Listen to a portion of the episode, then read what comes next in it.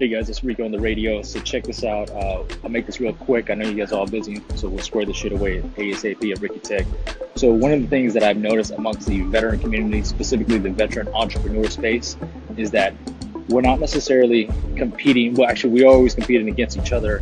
However, I've noticed we reach out to each one another as veteran-based businesses, and we help provide advisement counseling, mentorship, so we can actually elevate each other's games versus let's take Target Walmart, they're beating the shit out of each other and all they want to do is stomp each other's faces and, and win. And with nothing's wrong with that. Uh, more importantly, check this one out. I'll give you an example. I reached out to Wes from uh, from Rogue American Apparel, and I've actually just asked him asked him one or two questions. Uh, hey, how's it going? You might give me some feedback on my product. And he was, yeah, he was very receptive, and he provided me some. Also, Rocco from Article 15 and Black Rifle Coffee, uh, he actually was very open and receiving to saying, hey, this is how to go about doing things on your book, and also this is how I'll try a different a different approach.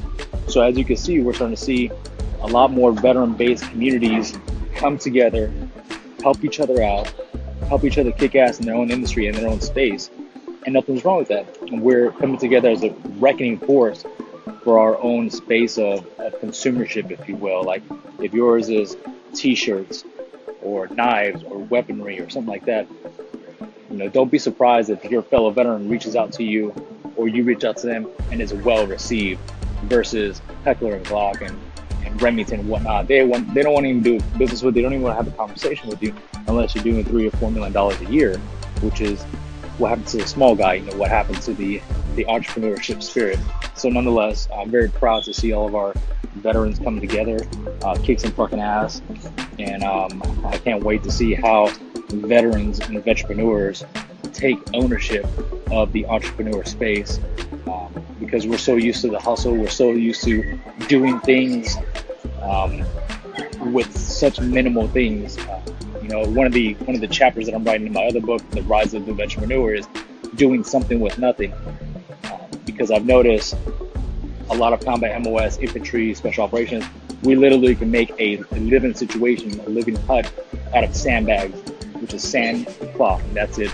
So that premise, that mindset, uh, we've actually put into theoretical application, and we're dominating the entrepreneur space. So I'm excited, and I can't wait to see how we do. All right, guys, peace, love, and chicken grease. We'll talk to you soon. Thanks for listening to Read on the Radio.